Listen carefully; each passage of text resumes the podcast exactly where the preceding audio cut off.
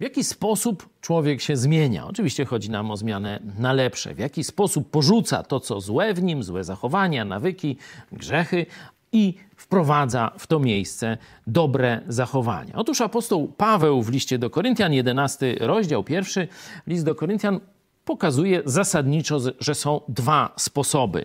Mówi: Niechże więc człowiek samego siebie doświadcza. Czyli badajmy, mając od Boga, ze Słowa Bożego, mądrość, jak powinno być, niekiedy też e, sygnały od naszych braci w Chrystusie, badajmy swoje postępowanie i jak widzimy, że jest złe, sami je naprawiajmy. E, tu w 31 wersecie mówi: Bo gdybyśmy sami siebie osądzali, czyli zmieniali. Najpierw zbadali to, co robię jest złe, czyli muszę to zmienić, oczywiście w oparciu od, o moc Boga, ale refleksja przychodzi ode mnie, można powiedzieć, nie? że sam się ogarniam i zaczynam zmieniać swoje postępowanie.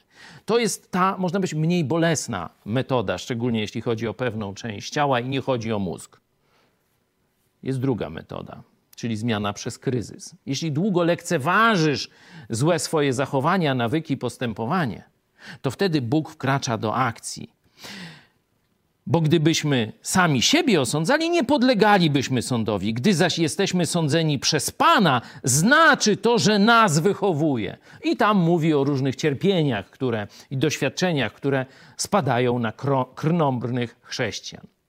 No, wtedy człowiek zmądrzeje, bo dostanie kopa i tak dalej, i już wtedy chodzi we właściwym porządku. Mamy więc dwie metody. Albo sam się ogarniesz i zmienisz swoje postępowanie, oczywiście korzystając z mocy Jezusa w nas, albo Bóg się tobą zajmie, wstrząśnie tobą, gdzieś upadniesz, twój upadek będzie widoczny, wstydu się najesz. Różne takie Bóg ma sposoby wychowawcze.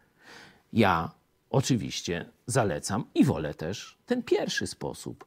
Lepiej sami się ogarnijmy.